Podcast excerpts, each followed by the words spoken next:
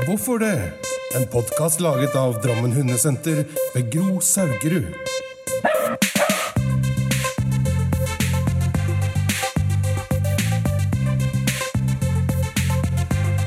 Ok, nå er vi klare, og nå har vi storfint besøk. Det er Stine og Jarlen, eller vil si Halvdan og Stine. Eh, Vi skal prate om eh, tur med hund, masse kule ting med hund, hvordan jeg blir kjent med dere. Ja, egentlig alt som faller oss inn i løpet av den neste halvtimen, timen, vi vet ikke. ok, velkommen til podkasten Hvorfor det? Takk. Vær så god. jeg kjenner jo dere ganske godt. Og jeg hadde så lyst til at vi skulle snakke om egentlig dere, hele, hele podkasten. Og alle de rare tingene dere har funnet på, både for dere sjøl og med bikkjene. Kan ikke dere fortelle litt hvem dere er, hvis det er noen som har gått glipp av eh, Stine og Jarlen? Skal vi slåss om ordet nå? Jeg pleier, å, jeg, pleier, jeg pleier å gi det til Halvdan innimellom. Eh, Men han har en tendens til å snakke seg helt bort. Eh, Men ja, vi, vi kaller oss Stine og Jarlen. Han heter Halvdan, men han heter Halvdan Jarl, så det er der det kommer fra. Så, så er det oppklart. Men eh, vi bor i Lofoten, og så eh, har vi eh, tre jaktspringere og en halv jaktlabrador. Han er hel egen. Det, det vil si, vi, vi eh, eier han sammen med mine foreldre. Men vi kan snakke mer om det etterpå. Mm. Vi, eh, vi flytta til Lofoten for er det, er det tre, tre år siden. Snart tre år siden. Snart. Så lenge siden. Snart, ja, det begynner å bli lenge. Ja. Snart tre år siden. Bare fordi vi hadde lyst. Mm, men det var ganske kult, for at før det så drev du Eller er du daglig leder ennå på Dyrehotellet? Eh, nei. Nei. Jeg var, eh, er eh, Markedssjef. ma- Ja. det var en bra jobb. Ja. Eh, Du drev jo det Ja. da. Um, og så tok dere plutselig en sånn helomvending. Ja. Og det var liksom den Lofoten-bomba. Ja, det var litt sånn helomvending for oss òg, men vi, vi var jo ute etter å flytte et sted, altså kjøpe et hus, da, for vi leide jo det huset vi bodde i. Og så var vi på Vi skulle egentlig til New York, eh, og så fant vi bare ut at men det har vi ikke, vi gidder ikke det. Vi bare driter i den billetten, og så drar vi, til, eh, drar vi på norgestur istedenfor. Mm. Så da kjørte vi Vi skulle faktisk egentlig ikke til Lofoten. Men eh, det, vi skulle på et jaktkurs som ble avlyst, og da hadde vi plutselig tre dager ekstra, så da dro vi til Lofoten. Var der i, vi sov der i to netter, og da sa jeg at eh, her tror jeg vi kommer til å ha lyst til å bo. Og så dro vi hjem, og så, da hadde jeg sådd et frø. da. Mm. Eh, Så dro vi hjem, og så begynte jeg å se liksom etter jobb og litt sånn. Så For at du er jo dyrepleier, egentlig. ja, Jobba på klinikk i mange år. Jeg var Mm. ferdig i 2009. Og så ble du fotograf. Ja, jeg har gjort mye. Ja. Det, det ser ut til å være virkelig din eh, gate også. Du Ja. tar jo helt rå bilder. Og det legger du masse ut på Instagram, og så har dere en nettside. Ja, det er, på, det er en blogg. eh, Ja, blogg er det. Det er litt, eh, den starta som bare en blogg, men Mm. det er litt mer Man kan jo både kjøpe ting der og lese ting. Og, så det er litt en slags nettside som vi også skriver på. Mm. Men det er jo Instagram da, vi hovedsakelig bruker, og så er vi på Facebook. mange følgere har dere på Instagram? Nå er snart på 19 000 Mm. akkurat nå. Ja. Det tikker liksom oppover jevnlig. Ja. Du tar helt rå bilder. Og så, har du jo eh, Halvdan, som jeg tror står for veldig mange av historiene på, på bloggen. Eller skriver dere sammen? Eh, Nei, det, ofte så Jeg kan være den som bestemmer temaet litt. Ja. Eh, At nå syns jeg vi skal Noen vil si noe om dette, og så, og så eh, skriver han teksten. ja. For det høres litt liksom, Når jeg leser teksten, så tenker jeg at det må være deg. Ja. En sånn litt sånn snert og sånn artig humor. Det er liksom alltid en vri på den som er, jeg liker veldig godt å lese det. Men første gang jeg traff deg, Halvdan ja. det var når dere kom på et valpekurs. Den eldste hunden som dere har, Dixie. Og da eh, skrøt jeg veldig fælt at dere burde gå videregående kurs etterpå. Og bare følge på. Ikke noe, Det sa jeg til alle, da. Ikke noe tvil, bare kjør på. Og så sa jeg, for der har vi litt andre aktiviteter. Blant annet så har vi City Agility. Og så pratet jeg videre som at alle skulle skjønne det. Og da rakk du opp hånda. Og så spurte du Eh, Men eh, skal ikke hundene bevege seg i agility? Og så hadde jeg prata mange setninger videre, så jeg huska husker. Og så, så eh, Altså, ja Jo, de skal det. Ja, det ble litt misforståelse der. eh, Men uh... Men hun, din andre eller bedre halvdel, hun oppklarte det ganske fort. Ja. Da du også hun påpekte både din og min uforståenhet. Ja. Uvitenhet. Ja, fordi at hun sa Men hun sier ikke 'sitt i agility', Halvdan. 'City', som i by. så nå har jeg egentlig bare omgjort det ordet til byagility, for da, Ja. da skjønner Nei, det var sikkert lurt. Ja, det tror jeg. Jeg forteller historien mange håper det var flere som lurte. Ja, det vet jeg ikke. det var du som spurte. Det er alltid noen flere som lurer. Ja. Du var den tøffe som spurte. Ja, det er ikke så ofte. Ja, men det er bra. Men du har gjort litt eh, rare ting med sprengerne springerne deres. Altså, de har blitt utfordra på mange vis. da. Man tenker jo at en jaktsprenger er en jakthund. Ja. Det er det jo. Det er det jo. Det er det absolutt. Ja. Men du har, du har tatt det litt videre. Jeg Ja, tenker jo altså, på det, vi, bare for å si det, vi jakter jo også. Mm. Eh, Det er jo hundene som lærer meg, da. Det Mm. hvordan jeg skal gjøre det. Men uh, også prøver jeg å lære de uh, andre ting. mm. Eh, så det, det var litt av grunnen til at vi valgte de Eller de valgte den rasen vi valgte, eller i hvert fall springerne, da. Mm. Var jo at de var I hvert fall på papiret, som vi leste om de og snakket med oppdrettere og vurderte fram og tilbake, Snakka med Groa. blant annet Groa, selvfølgelig. At de var veldig allsidige eh, og kunne brukes til, eh, til mye. Mm. eh, Og friske og raske og sterke.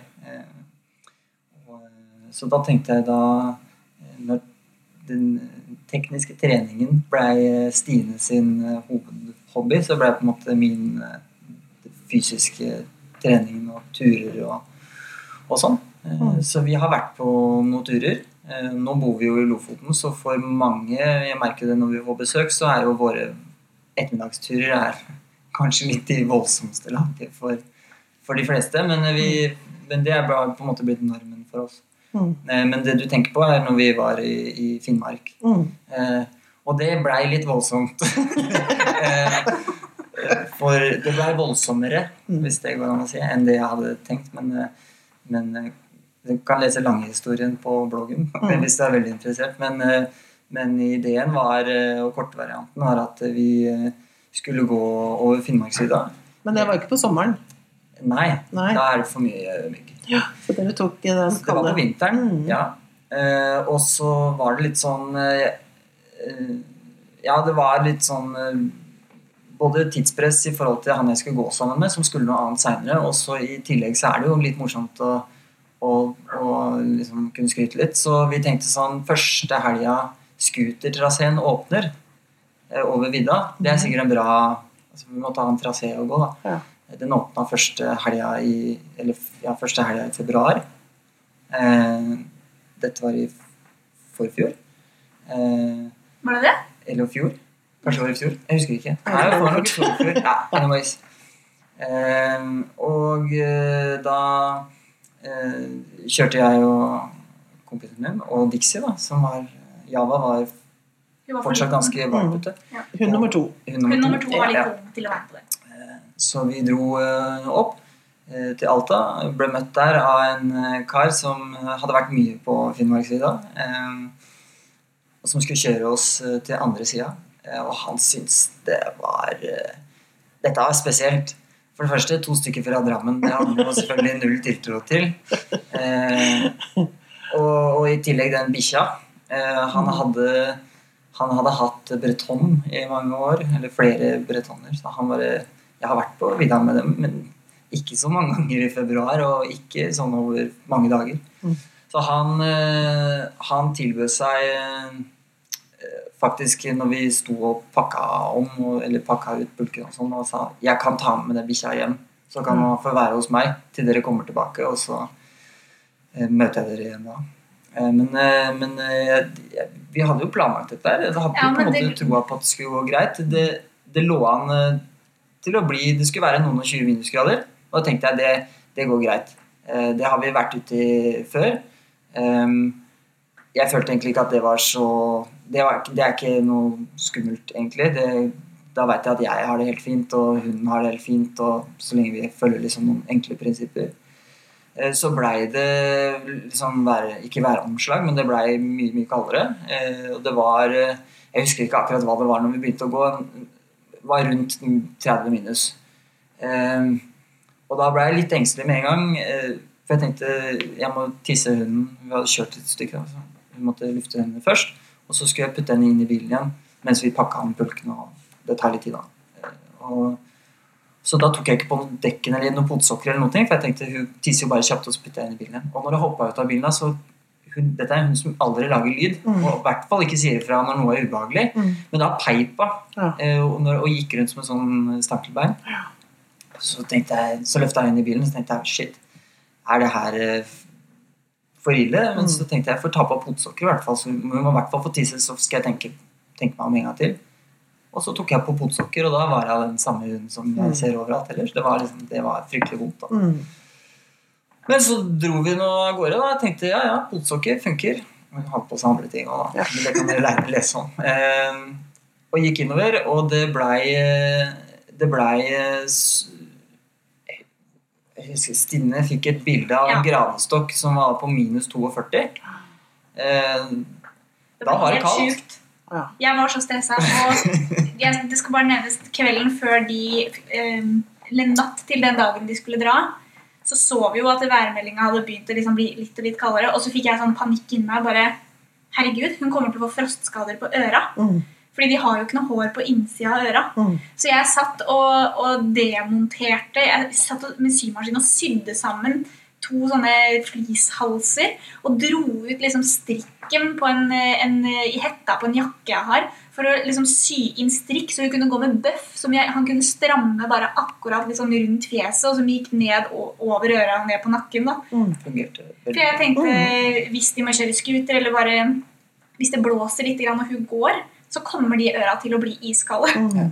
Så hun gikk med den bøffen inn i, Det virka. Hun var kjempeglad. Eh, Det var jo godt med rype og, Ja. og god stemning. Så, eh, og det er jo som med oss, altså, man trenger ikke så mye klær på seg så lenge man er i bevegelse. Mm. Eh, og, så det gikk helt fint. Det som ikke gikk fint, var jo primusene. Funka ikke, begge to. Eh, Så vi satt eh, ute der på natta når vi kom fram, eh, skulle slå leir. og og da måtte vi bryte. Ikke fordi at vi kunne nok holdt det gående, men det er på en måte sånn Dette var ikke for å plage seg sjøl mest Mm. mulig, det var for å se hvordan få det til. Og siden jeg ikke er helt løk, da, så hadde vi lagt oss i forbindelse med hytter som ligger hele veien. Så da var det veldig sånn udramatisk å si ok, men da får vi bare gå inn her. Og så var vi der i noen dager til og dro tu- dagsturer ut fra de hyttene i stedet. Bare for å fortsette å teste det med at hun hadde det fint da, på tur. Og det gikk, det gikk egentlig akkurat sånn som jeg hadde tenkt. Eh, Det ble 45 minusgrader. Ja, det var 45 minusgrader. Eh, Mm. Det Det gikk bra. Jeg mener ikke at alle skal gå ut og gjøre det, men, eh, men eh, Og jeg, det er ikke noe sånn poeng for meg å drive med det hele tiden. eh, Men det er en god måte å teste ut det man har øvd på og tenkt og planlagt. Mm. Så får man se. Og så, i hvert fall når man har liksom en sånn fallback-mulighet som er en varm hytte som ligger eh, ti, ti minutter unna, så, så går det helt fint. Eh, og så får man dyktig hjelp av de hjemme som eh, det Han var to hoder som hadde tenkt seg om. og Jeg hadde fullt ansvar for eh, Det hundeoppfølgingen, ja. så han hadde jo fått med seg liksom, medisinarsenal og eh, lært liksom hvordan han skulle ta tempen og kroppstemperatur, og bare for å liksom kunne kontrollere tingene. Da. og- Sirkulasjon og alt, eh, alt mulig sånn, og fôring. Masse sånne ting som er veldig viktig å tenke på da, Mm. sånt. kjempemasse. Og det som var morsomt, var jo at når det været liksom slår sånn om, så Mm. er jo det i prinsippet at da har du egentlig gått i dritt. Og hvis ikke vi hadde, eller de hadde vært forberedt, så kunne det jo gått skikkelig dårlig. Mm. Så det viser jo bare at, eh, at de forberedelsene man gjør, faktisk funker. Da. Mm. Og det er jo litt kult. Tenker, når man tenker Finnmarksvidda, vinter og bikkjer, så tenker man kanskje mest polarhunder. Ja. Og så, og så eh, er det jo mange som har mange andre typer hunder, med den pelskvaliteten som sprengeren har, da, litt sånn semilanghår. Um, så jeg regner med at eh, dere hadde noe påkledning. Så hvis liksom Ja. noen skal lære noe og tenke ja, vi går mot en vinter nå, Mm. og så er jo dere veldig flinke til å oppfordre folk til å ta med bikkjer på tur. Altså dere lager kjempefine, altså lag, tar kjempefine bilder. eh, og så skriver dere mye om produkter. Mm. Eh, og så skal jeg spørre deg litt etterpå, Stine, for du har sånn triks. Jeg er mulig det er begge, men, men du har i hvert fall vært flink til å profilere valp i sekk. Ja. Men, men før vi tar den Som bærer, da. ja, Det er alltid sånn. Vi må alle ha en sherpa. ja. Ja. Men, men eh, når man tar med en springerspaniel ut Du sa potesokker og så hjemmelagd eh, type bøffhette, filis for å passe med ører. Men det er mer kropp. Den største utfordringa er eh, snø i pelsen. Mm. Eh, Det syns jeg er vanskelig hele tiden. Jeg syns det er vanskelig selv om det er kaldt, eller om det er kladdeføre, eller uansett. Mm. Det er det største problemet. Så, og der har jeg ikke funnet liksom fasiten ennå. Jeg tror ikke egentlig den, den fins. Det er noen gylne middelveier her et eller annet sted. Men eh, det vi gjør, som noen syns er fælt, er jo Stine klipper jo Når vi kommer til vinteren, så Mm. ryker alt av faner. Mm. Ja. og ganske mye av eh, liksom det ellers litt, litt lange håret under kassa og, Mm. og frampå på halsen og sånn. Mm. Bare nevne at det er ikke maskin. Jeg barberer ikke Ja, en nei, nei, nei, jeg med saks. Klipper med med sånn tynner eller fileringssaks. Ja. Bare får det helt kort. Men du er jo hundefrisør også. Altså, Ja. Du er jo dama med én million jobber. Dyrepleier, fotograf, hundefrisør. Daglig leder for eh, Dyrehotellet. Ja. Jeg er potet. Du er en liten potet. Men, eh, så er det jo snø, altså kondomdrakt da, mm. som man kan bruke. Men den er jo ikke varm, men den Den er hindrer varm. bare snøkongler. hindrer, hindrer at snøen fester seg. Mm. Og så innbiller jeg om meg også at den lager et lite lag mellom Altså du får en sånn, et lite luftlag. Mm. Eh, og det er jo prinsippet vi bruker når vi kler oss også. Lag med litt luft mellom. For å varme opp det laget.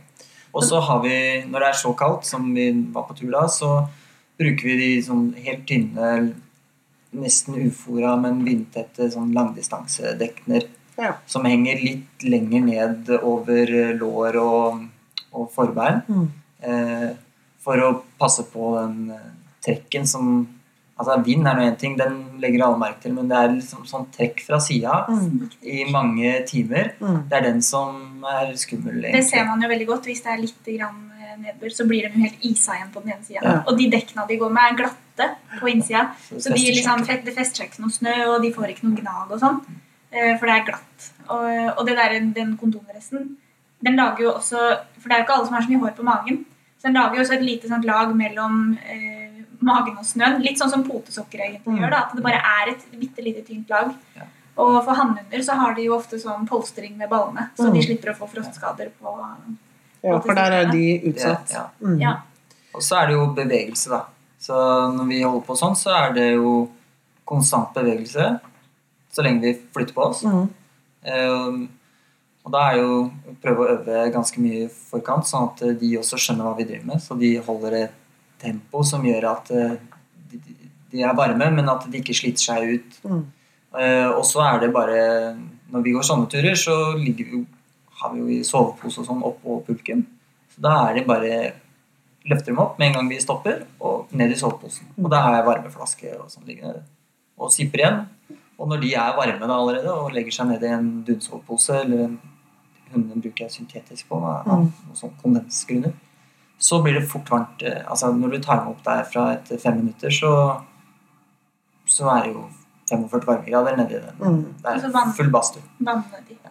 Lunka vann. Ja. Ja. Lære dem å drikke når du skal drikke. Og Mm. sånt. Ja, men det er jo som en annen løpshund, egentlig. da, At dere Ja. kjører de samme Ja. prinsippene. Snakker dere dem også på veien, så de får i seg mer energi? Ja. Og da, uten noe reklame, jeg bare spør, hva med hva? Ja, Det er hva som helst. Mm. eh, Helst noe som ikke altså, Da bruker vi ikke tørrfôr. Men eh, Nei. vi har sånn eh, Noe som er lett fordøyelig, eller som ikke svelger da, ja, i magen. er Gjerne sånn eh, Altså Gjerne være konkrete, for at det, ja, de, For eksempel de her boksmatene som er sånn rekonvalesensfôr, high calorie fra Canuba eksempel, Mm. Det er jo sånn grautete mat. Ja. eh, som vi blander med vann. For det smaker jo så godt, så det vil jo de fleste av. Så da får de det. Ja. Eh, stort sett. Det, veldig ofte så bruker vi et eller annet som blandes godt i vann. Så dere får Sånn i den væsken de også. Ja. også. Det fins også pulver. Det er litt vanskelig å ha med seg sånn våtfôr når det er så kaldt. Mm. Så eh, Tidligere så har vi brukt eh, sånn pulver fra Royal Canin. Men det veit jeg ikke om de har ennå, men de hadde det før. Det litt sånn babygrøt Ja. eh, når du rører det Og lukter litt som det også.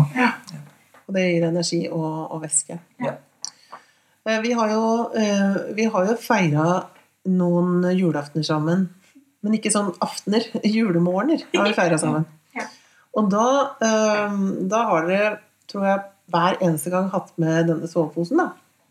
Så når dere raster, når vi sitter og koser oss med jule, julemorgenfrokost og ribbe ja. Så da må jeg langtidssteike ribbe over natta for at du skal få det. Bursdagsribbe. Bursdagsribbe. Ja. Så det er, eh, det er bra. Knallsterkt. Kan alle bli misunnelige. Ja. Vi sier ikke hvor det foregår. Nei, nei, nei, det er helt opp. hemmelig. Ja. Vi kan si det et annet sted. Ja. Det er, ja. Vi, Kan vi kan selge billetter. det kan vi. Mm. Selge ribbebilletter og kosebilletter til julemorgen. Ja. Men, men da, da har dere jo med dere disse turtingene. Jeg vet ikke om det er for å øve, eller bare fordi at hundene skal ha det godt også da. Og da ligger de jo nedi disse soveposene og Mm. koser seg når de, rast, når de skal rastes. da. Og det tenker jeg kan være smart nå som folk skal ha med seg hunder på tur, at uh, når de stopper og raster selv på ganske korte lokale skiturer, så Det blir det kaldt. Ja. Du kan prøve å stoppe og sette deg ned i snøen uten å kle på deg etter å ha gått på ski. Mm. Eller er bare sette hunden i bånd utafor vår lokale Sifita eller Skjoldhytta Ja. som vi har her oppe, må skal drikke inn og, inn og drikke kakao og kose seg, og så sitter hunden ute. Det blir beinkaldt, altså. Ja, så, de, så det tenker jeg kan være sånn veldig bra ja, informasjon at man trenger ikke gå i 45 minus for å gjøre disse tiltakene. Nei. Eh, Det her holder at det er noen få kuldegrader, og man har et rast. Ja. For det er kaldt i snøen, og, og, og hundene Så sant ikke du har en polarhund, så, så trenger de ofte litt hjelp til å holde varmen. Mm. Det er jo ikke bare det at de blir kalde, at det er ubehagelig, Mm. og, men det er jo også med, med muskler og Like mye det, egentlig. Mm. Men Hunden tåler jo å bli litt kald. Den blir jo varm igjen, på en måte. Men Mm. eh, det er jo muskler og ledd og Ja, det er ikke noe bra hvis- eh, Ikke noe ålreit. Ja, Mm. hvis de har vært ute og løpt, og så plutselig blir de blir iskalde, og så plutselig skal de opp og løpe igjen. De må Nei, holdes lunka. Det fine også, du var inne på det eh, med en sånn bisetning her, om at om vi gjorde det bare for å øve på det, eller fordi at det var Mm. viktig. Eh, Det har jeg faktisk sett nå i det siste. Noen som har skrevet sånn Hvordan får du hunden til å legge deg ned i soveposen? Eller sånn. Mm. Du, du øver på det, Mm. og du øver på det når du er på tur. Fordi Mm. da er hunden kald og Mm. sliten. Mm. Da legger han seg. Altså, da, hvis ikke han har lyst til å legge seg i soveposen, gå litt lenger. mm. Ja, sant. Altså, det er ikke verre enn det. Ja. Eh, og hvis man øver på det hver dag, Mm. eller ikke hver dag, men hver gang man er ute og går på tur, så blir det veldig udramatisk Mm. når de må ned i den posen fordi du sier at nå skal vi stoppe. Da blir det kobler dem. Å ja. Her er det jo deilig å være. Mm. Her får jeg den lunka grøten min og alt mulig. Mm. Og da blir, det, da blir de tingene veldig enkelt. Så, så vi, eh, vi som, Det vi gjør, er at vi har jo en sånn idé om hva vi skal gjøre. liksom Den store turen eller et eller annet sånt. Og så prøver prøve å pakke inn øving på det i alle mulige sånne hverdagslige ting. da. Prøve å replikere situasjonene litt. Så slipper man å gå ut og liksom niøve på å ligge i sovepose. ja, for det blir jo bare tull. Det nytter jo ikke. Nei. Men Stine, du, du har jo hatt prosjekt eh, Valp i sekk. Med alle, eller ble det med nummer to? Nei, ja, alle. Ja. Ikke Boss, da. Han fikk vi da han var voksen. Ja, men du har en til å bære. Boss er labrador. Labradoren han, eh, han har ikke sittet i sekk, men eh, alle tre springerne har sittet i sekk. Jeg husker når du har kommet ned, Vi hadde jo valpekurs på dyrehotellet hos dere eh, tidligere. Og da kom du jo ned med sekk og fotoapparat og valp i sekk. Og, og øvde på å kunne ha med valpen på tur. Mm. Når de er voksne, er de ikke i sekk. Nei, altså det er ikke, ikke sånn Hvis de ikke er skada. Nei, og det er akkurat det. At det er jo en av de andre grunnene til at vi Mm. også lærer de å sitte sånne steder. Det er at eh, hvis det faktisk skjer noe, da, Mm. så kan alle tre springerne våre de kan vi putte i en sekk Mm. eller bære på ryggen uten, eh, uten problem. Og det kan jo være en fordel. Ja. For et annet ting jeg skal spørre dere om, det er den dramatiske tingen som skjedde nå. Åh, herregud, ja. Ja. Jeg skjønner hvilken du mener. Ja, ikke sant? Så det var, men hvordan lærer du en valp å bli trygg i en sekk, da? Det, det vi har eh, gjort, er at jeg bruker en eh, Jeg bruker en, en jeg vet liksom ikke, Det er jo litt i forhold til størrelsen på valpen, da, men en sekk som du kan putte litt ting nedi. Jeg legger liksom kanskje et pledd og noen håndklær, sånn at det blir stabilt. Uh, og så putter jeg egentlig bare valpen nedi. Jeg, man kan jo helt sikkert med fordel liksom si, lokke dem inn der, eller noe sånt, men jeg har bare satt valpen nedi. eh, for det har jeg visst at det, er- det har de tålt. Eh, og med en gang da så tar jeg sekken på, på magen. Mm. Og da sitter jo valpen ganske høyt opp i sekken, fordi jeg har fylt den med ting og har liksom litt polstring rundt, uten at de blir sånn helt, eh, helt sammenklemt. Men så snurper jeg sekken eh, ganske godt sammen rundt eh, halsen deres, sånn at de ikke klarer å kravle seg ut. Mhm. Og så har jeg godbiter. Ja. sånn at eh, jeg har den, da har jeg den på magen, og liksom ser på meg eller er rolig, så liksom bra, så får de en godbit. Hvis de sitter og slapper av og syns det er helt eh, ok, så får de liksom en liten kos og en bra, og så, og så tusler vi litt rundt. Mm. Det har sett veldig greit ut. Men hvor, for at nå sa du da de, du har de så høyt oppe at hodet på en måte kan komme over sekken, Ja, og du kan snurpe sekken sånn at ikke de kan kaste seg utfor. ja. For det er klart at Du må liksom ikke få forbeina ut. Nei, for det kan jo være farlig at de kan falle så vidt høyt ned, da. ja. For hvis du er oppreist For dette her kan du starte med på bakken. Mm. Du må jo ikke ta på deg sekken med en gang hvis, hvis valpen din blir panisk Mm. av å være i sekken. Så ville jeg heller tatt med meg sekken inn, åpna sekken helt opp, og så, og så begynt på gulvet. Mm.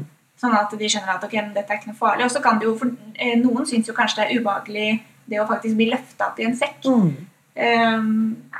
At det blir litt sånn ustabilt for dem å miste fotfestet. da. For de Mm. merker jo at ikke de står på gulvet selv om de har håndklær eller tepper under beina i sekken. Ja. Så sakte, men sikkert tilvenning i Ja.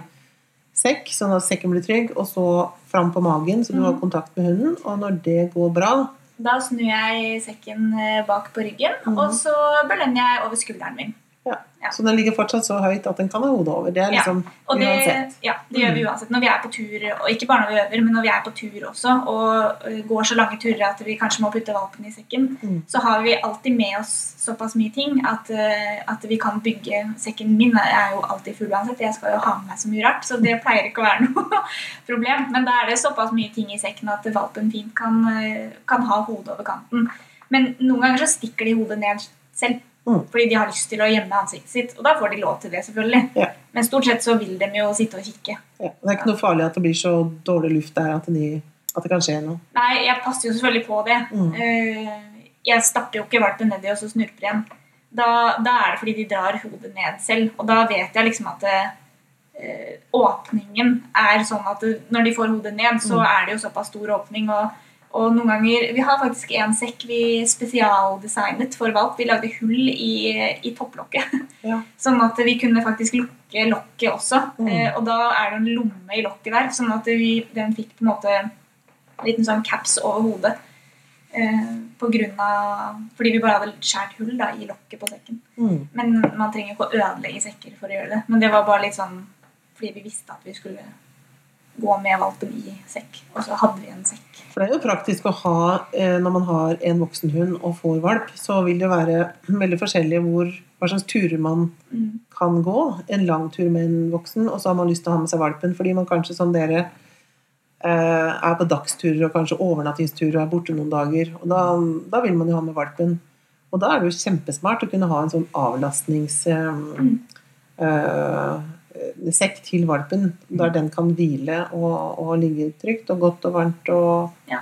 og ta seg inn. Så det er veldig smart. Ja, for det som har skjedd med året til slutt, det er jo at når vi har putta den i sekken, da det kanskje har blåst mye og sånn, så har vi jo faktisk noen ganger satt sekken ned på bakken for å liksom Hei, nå kan du komme ut bare eh, Hun, hun tredje, da, hun Mm. yngste, hun kikka bare opp og så bare "Mm, Nei.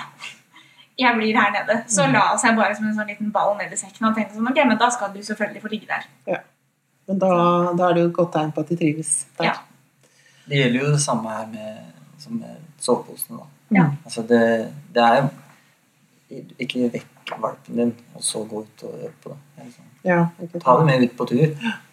Og så la han gå og herje og løpe og sånn. Og så blir jo valpen sliten etter hvert, og så stopper man, og da blir det helt udramatisk. Mm. Da blir det noe positivt i stedet for å bli noe sånn frihetsberøvende frihetsberøvende Ja, ikke sant? Ja. eh, sak. Og så stoppe mens det er god Det er jo, har jeg lært av deg på valpekurs og kurs og alle andre kurs. Altså liksom eh, Stop while you're ahead. Mm. Du må gi deg mens leken er god. Ja.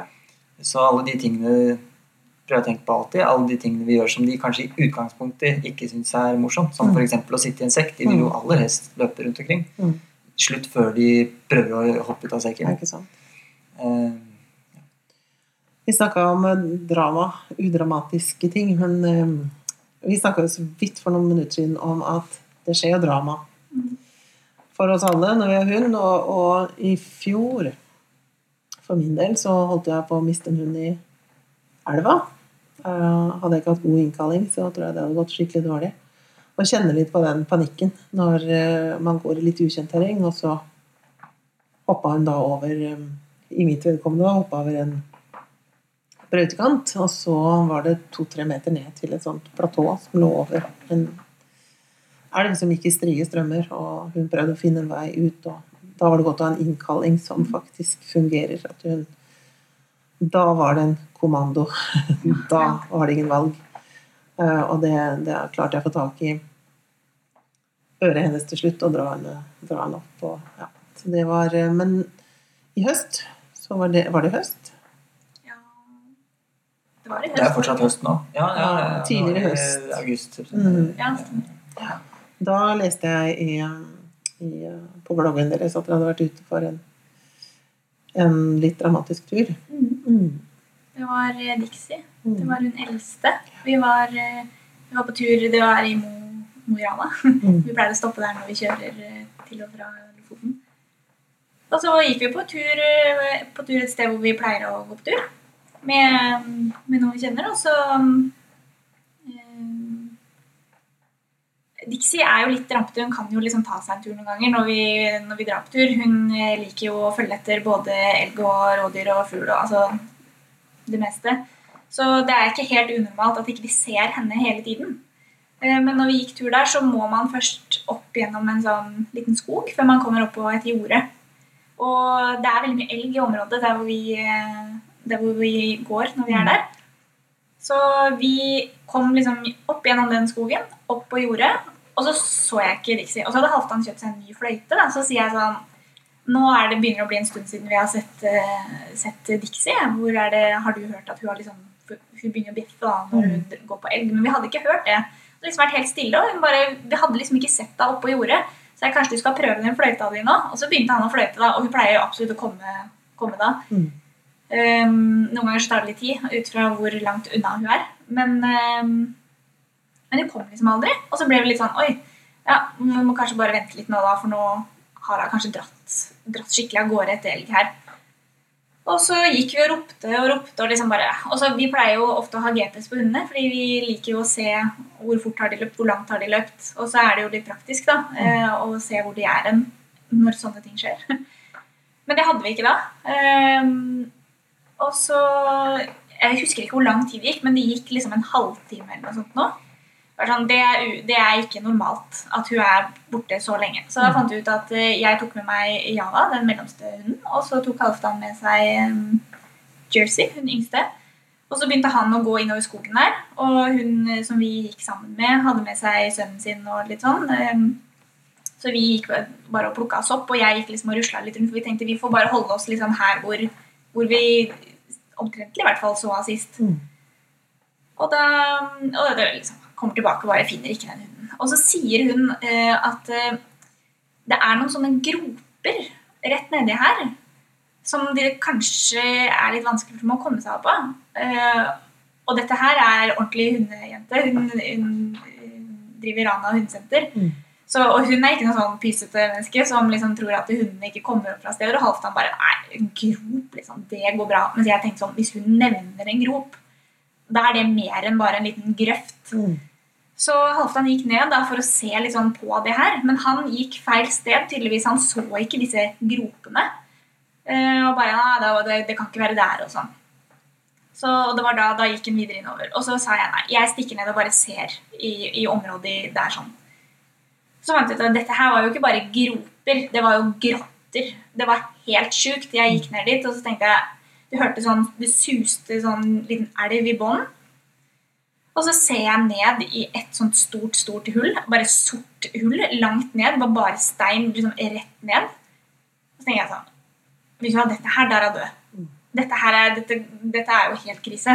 Rart at ikke jeg liksom At ikke vi tenkte på dette tidligere. Men Vi visste jo ikke om det, da. Men, eh, men eh, så hadde jeg med meg Java, og hun var så sykt interessert i å dra ned i den, den ene eh, største grotta. da. Og det var så rart, fordi det var masse små hull også som jeg egentlig ikke så. Det var bare dekt av liksom gress og sånn. Så jeg, må, jeg, gikk og holdt meg litt i trærne, og sånn da, for jeg kunne jo fint dette ned et sånt hull selv. Mm. Fordi vi så dem jo ikke. Og det var langt ned.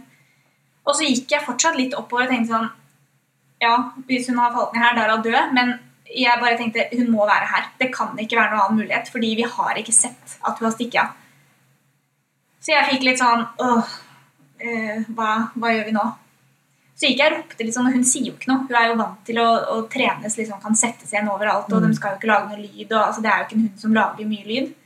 Hun kan komme med litt sånn innimellom hvis hun er helt uh, sjukt gira og vil bare gå på tur. Så jeg gikk litt sånn Dixie, Dixie. Jeg ropte på liksom sånn at hun skjønner at du skal ikke være noe sted. Så tenkte jeg kanskje hun klinker eller noe sånt nå, hvis hun har skada seg og er bevisst. Og så um, gikk jeg videre oppover. Jeg bare nei, jeg ser ikke noe. Jeg prøvde å kikke ned i de her høla, men jeg kunne ikke lene meg så langt over. For det var så, jeg kunne jo dette ned, jeg òg. Og så plutselig så hører jeg sånn liten sånn pipelyd, sånn maselyd, og jeg bare Shit! Dette er Dixie. Og det var jo der hvor Java da, hadde prøvd å dra meg ned første gangen. Så var jeg tenkte sånn, jeg går tilbake dit, og da hørte jeg den lyden. Men Dixie kunne gå under bakken, så hun har sikkert fulgt litt etter oss oppover. Eh, og Det var derfor jeg ikke så henne første gang jeg kikka ned der. Og da satt hun som et sånn tent lys med sånn derre Hvorfor må jeg sitte her? Nå har jeg, gått, nå har jeg vært borte, nå har jeg sittet her i en time, og dere har gått på tur. Eh, Sånt tryne eh, hadde satt der og kikka på meg. Så hun var i hvert fall liksom. Hun satt jo, og jeg tenkte sånn, hun kan jo ha brukket noe, eller jeg vet søren, men hun løfta ikke på noen bein. Og da var jeg sånn Hva gjør jeg nå? Nå må jeg ringe, og så må jeg si at jeg har funnet det, og så må vi ha noe tau. Så vi, jeg måtte bare binde fast de andre hundene, og sånn, så ikke de skulle dette ned i noe hull. Og så henta Lene henta Det ble faktisk Hun hadde jo ikke noe klatretau, da, så det ble det derre løypeskibeltet til Nonstop. Det ble klatresele. Og så var det noen langliner som Halvdan måtte fire seg ned i. da. Eh, og det var ganske langt. Det var sikkert fire meter ned der, og hun satt ikke helt i bånn engang. Så hun har tydeligvis sittet på en sånn liten hylle, og så var det vann videre ned. Så jeg, bare, jeg orker egentlig ikke å tenke på det greiene der. Hun hadde et lite hull i beinet, sånn der spanielhull, Mm. som jeg kaller det. Sånn som når hun løper på pinner og sånn. Det kan hun jo ha fått før hun datt ned der. Så hun var helt, helt uskadd. Eh, Halvdan fikk fiska opp derfra, eh, og, og det, var, det var bra. Så det gikk bra. Men fy søren, det var skikkelig skummelt. Mm. Så Ja, jeg leste det. og Det var, eh, ja, det var ordentlig, Ja. ordentlig vemmelig. Og det som jeg tenker på akkurat nå, det er at isen begynner å legge seg Ja. på, på Tjerna. Mm. At folk må være litt forsiktige nå. Fordi at eh, disse Den trenger ikke å være så vidtgående hunder, men hunder som går nå og kanskje er nysgjerrig på. På vann, så, så vil kanskje det, denne isen bære de lite grann, og så kan de gå igjennom. Så nå må, Ja. vi begynne å være forsiktig. Mm. Det er en tid på året jeg, jeg er veldig forsiktig, både høsten og våren, når, når isen smelter, Mm. og nå som den kommer. Det, Ja, vi, og det er nesten på våren er det også litt ubehagelig, fordi da har det jo vært frosset så lenge. mm, At da, Hvis man går liksom en fast tur, så er de ofte vant til å liksom kunne løpe ut på det vannet der. Eller kanskje man pleier å gå på ski over der, eller noe Mm. sånt nå, og plutselig så beiner de ut der eh, mens det smelter, og så går de plutselig gjennom. Så Mm. det, det er også en liten sånn skrekk. Så det er jo stort sett veldig koselig å gå med hunder på tur, men det kan skje, skje Ja. dramatiske ting. Og, og nå gikk det jo heldigvis bra Ja. for, for dere. Jeg tenkte Det siste temaet som, som jeg tenkte vi skulle snakke litt om Nå har vi vært innom litt drama på tur og, og, og vintertur med hund. Mm. Eh, Påkledninger og soveposer og varmeflasker og snacking og sånn. På raser som ikke er så vanlig å ha med seg på ekstreme turer, særlig kulde, kuldeturer. da. Mm. så har jo dere en tredje valp. Eller hun er ikke valp lenger nå, Han er men en eh, rett over et år. Ja. Hun er valp, har jeg lært. Hun er valp til hun er fire år, det har Gro lært oss. Så lenge de ikke oppfører seg pent, så er de valp. valpelisens kan ikke lenge. Ja. Nei, men de er jo hunder i hvert fall lenge, og de oppfører seg ikke alltid så bra. Um, men men um, der skjedde det noe rart når hun var fire måneder. Ja, det var nesten omtrent på dagen. Altså Mm. fire måneder cirka. Fordi at hun, hun var en helt vanlig hund. Ja. Veldig, hun var en, faktisk en ganske tenk på det nå, kanskje i overkant sosial Mm. eh, liten valp. Glad og fornøyd og morsom. og Helt sånn ukomplisert. Jeg tenkte sånn Wow, dette her var en sjukt kul hund. Mm. Det var egentlig det jeg eh, hadde inntrykk av. Men, eh, men ja, hun ble plutselig veldig redd for mennesker. Fremmede mennesker. Til og med noen hun egentlig har møtt fra før òg, men, eh, men absolutt mest fremmede mennesker. Merka det første gangen hun gikk på en eh, gangvei. Og da på morgenen nesten Det er nok noen tegn jeg har oversett og bare tenkt sånn Ja, ja, for valper er jo redd for litt innimellom. Mm. Sånn, de kan jo reagere på ting som, som de ikke reagerer på noen ting etterpå. Mm. Eh, men det var liksom veldig, veldig brått, så plutselig så, så gikk det noen mot oss, og så liksom kasta seg bak beina mine og bare wow, var helt sånn, prøvde nesten å løpe andre veien. Jeg bare Oi, var du, hva skjedde nå? Var du, var du så redd for denne personen? Men hadde det, vært, det hadde vært litt skurringer da, eh, sånn i forkant. Men, eh, men ikke så voldsomt. Og så tenkte jeg bare sånn Shit, hva var det? Og så, bare, og så fortsatte egentlig det, rett og slett. Det Mm. var bare sånn at når Hvis vi møtte nye mennesker, så fikk hun helt panikk. Og bare hata det. Hun var livredd Mhm. nye mennesker. Så det var, eh, det var skikkelig. Jeg har aldri hatt, eh, opplevd det før. Eh, I hvert fall ikke så sterkt. Eh, Dixie var ganske redd for folk, hun òg, da hun var liten. Eh, Hun var ikke redd, men hun var sånn usikker. Hun likte ikke så veldig godt at folk liksom henvendte seg til henne. Men der var det bare snakk om å overse henne i to sekunder, eller liksom bare hun fikk en godbit, eller noe sånt, og så var det liksom greit. Dette her var en helt annen liga.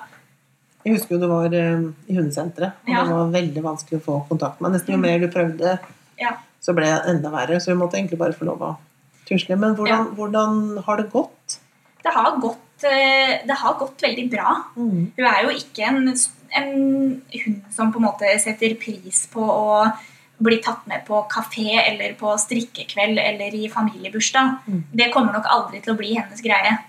Ehm, men, men sånn for vår del så går det egentlig veldig veldig bra nå. Vi har jobba ekstremt mye med at folk skal overse. Det er nesten det vanskeligste. Å få mennesker til å skjønne at uh, du kan ikke snakke til den hunden her.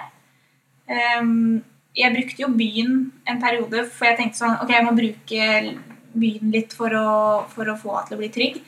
Men det kutta jeg bare ut med, fordi jeg tok en runde med meg selv og tenkte sånn Har jeg noen gang hunden min i byen? Mm. Nei. Og blir det noe bedre av det? Nei. Jeg fikk bare en hund som ikke ville gå ut av bilen. Mm. Så jeg bare kutta ut den der bytreninga. Eh, Det hadde ingen effekt for oss. Og så øh, oppsøkte jeg på en måte situasjoner jeg kunne kontrollere da, mye mer. Sånn at jeg kunne ha med og si til folk at du ikke får snakke til henne. Og hvis vi er fortsatt da i situasjoner hvor jeg merker at vi møter noen som veldig gjerne har lyst til å hilse på, og selv om jeg har to andre hunder med meg som gjerne hilser, så er det alltid den som er redd de helst vil hilse på. For det er liksom en eller annen, jeg vet ikke, det er noe menneskelig at man gjerne vil eh, ha det man ikke kan få.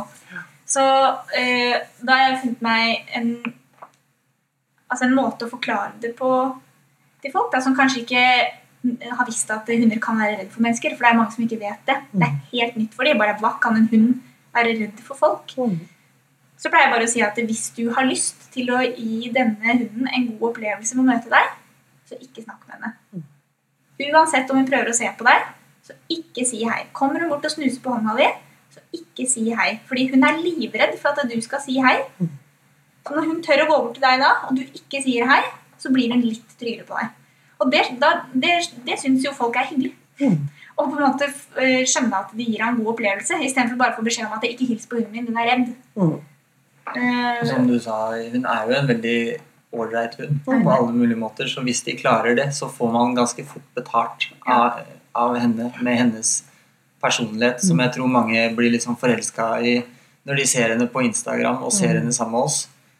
Og så får de beskjed om at du mulig å ta på. Og hvis de klarer å oppføre seg, så går det ikke veldig lang tid egentlig før hun ligger som et slips rundt halsen din og på en måte Ja. eh, takker for eh, Hun er en at hund du eh, ga litt tid, da. hun, har så, hun er så ekstrem da, på alle måter. Eh, hun, er helt, hun er helt sinnssykt morsom å trene. Mm. Når hun på en måte er i, i sitt Ja, når hun klarer det, da. Det er sånn Nå kan jeg være på kurs. Det hadde ikke vært noe problem. I starten så kunne jeg aldri vært med på et, eh, et kurs hvor det er andre mennesker, for det hadde jeg ikke klart å håndtere. Eh, hun er fortsatt vanskeligere inne enn ute, selvfølgelig. Eh, fordi ute er det jo skog og, og morsomme ting. Så, så ute går det helt, helt fint. Eh, inne så vil jeg nok være litt trykka enda. Hvis jeg f.eks. hadde kommet og vært på eh, et eller annet kurs på, i hundesenteret, da. Mm. så hadde han nok vært fortsatt ganske berørt av det. Alt som skjer rundt. Men, eh, men ute så går det kjempebra. Og, og jeg har jo gått noen runder med meg selv og lært litt av henne. Eh, fra Dixie til Jersey, da, Dixie som er den eldste, og til Jersey som er den yngste, så har jeg jo innsett hvor sinnssykt høye krav jeg har til hunden min. Hundene mine, våre. Mm. og jeg har på en måte innsett og slått meg til ro med at eh, de må ikke tåle absolutt alt. De er ikke nødt til å takle alt. Fordi at Medixi skulle takle alt. Mm. Hun skulle kunne alt. Altså hun skulle, og hun gjør jo til en viss grad det nå, faktisk. Men, eh, men absolutt ikke alt, alt. Men jeg har rett og slett innsett at eh, jeg kan ikke Det går greit. Det går fint. Hun er ikke en, eh, en selskapshund. Hun er et sinnssykt turkompis og verdens største kosegris. Mm. Og hun er så morsom, og hun får gå på jakt og på tur og, og sånn. Så, så konklusjonen er at det går veldig bra. Men guri malla, jeg har jo nesten ikke fått trent på noe annet enn å bare eh, lære denne hunden å på en måte være trygg i sånne situasjoner. da. Mm. Og så lek. Jeg har fått mye tid til å trene lek, da. Jeg har, for jeg har ikke giddet å gjøre noe annet. Vi har trent eh, leik og så en del sånne jaktmomenter, da. For det er jo enkelt å gjøre med en sånn hund. Men jeg, jeg tenker jo at kanskje mange skulle lært litt det der at eh, hundene er på en måte som de er. Ja. Og så stiller vi kjempestore krav til at de skal være alt. De skal tåle alt og takle alt og finne seg i alt. Og Mm. jeg syns det er veldig fint at man også kommer til den konklusjonen eller beslutningen at hun får være som hun er. Hun, hun har sine ting, men gir dere masse, masse glede. Ja. Og det livet dere lever, er jo kanskje også veldig fint for henne. Og jeg tenkte vi skulle ta oss og runde av nå, for vi sa vi skulle holde på en halvtime. Det har vi ikke gjort. Fordi at dere reiser jo videre. Nå har dere tatt en liten pause fra Lofoten. Og i morgen så går turen til Rondane. Rondane. Og da skal dere bo der i vinter fram til mars. Ja, vi skal bo på hytte Vi har leid en hytte, da. Mm. Litt mars eh, på Rondane. Da blir det turer. Ja. Blogging. Yes. Foto. Yep. Og så skal vi ha julaftenfrokost. Ja. Og langtidsstekt ribbe. Og bursdagssang. For deg. Halvdan. Mm. Så øh, Og da tenker jeg at vi må prate mer, for da har dere bodd der litt. Ja. Jeg hører rykter om at der dere skal bo, er liksom en av de flotteste plassene i uh, Norge. Går ryktene om. Mm. Ja. Vi plukker bare fra øverste Jeg hylle. skjønner det. Lofoten og Drammen. Ja, Drammen er jo i hvert fall Drammen, Lofoten og Rondane. Ja, så eh, har dere noen siste mm, gode tips og råd om eh, å gi folk på veien til å ha et hyggelig hundehold, tu, hund på tur, gode hundeopplevelser, så kast dem ut før vi skal eh, Da, da runder jeg av, siden Stine fikk begynne. Ja. Søren.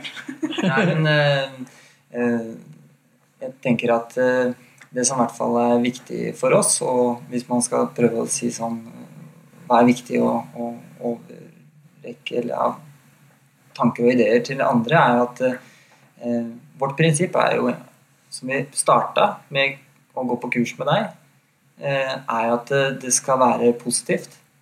Eh, og da tenker jeg det skal også, ikke bare for hunden, men også for oss som hundeeiere eller Mhm. trenere. Eller, ja. Eh, Så vi prøver å tenke at eh, alt skal være gøy, og det skal være hyggelig å holde på med. Mm. Eh, Og eh, det er mulig å få til stort sett alt ved at det er morsomt og hyggelig. Mm. Og ikke bare er det morsomt å få det til, men da blir det også morsommere underveis. Og så er det ikke sikkert man får til alt. Og da er også det helt greit. Det skal ikke være noe Hvis den hunden din ikke har lyst til å gjøre en ting, og man har på en måte vridd alle mulige lek og godbiter og ideer og tanker og man har, Mm. ja vel, da fikk man ikke til det, da. Mm. Nei, Og, og det er helt greit. Altså eh, Det er ikke Det er ikke sånn Altså, våre hunder kommer aldri til å sitte under oppflukt. Og det er.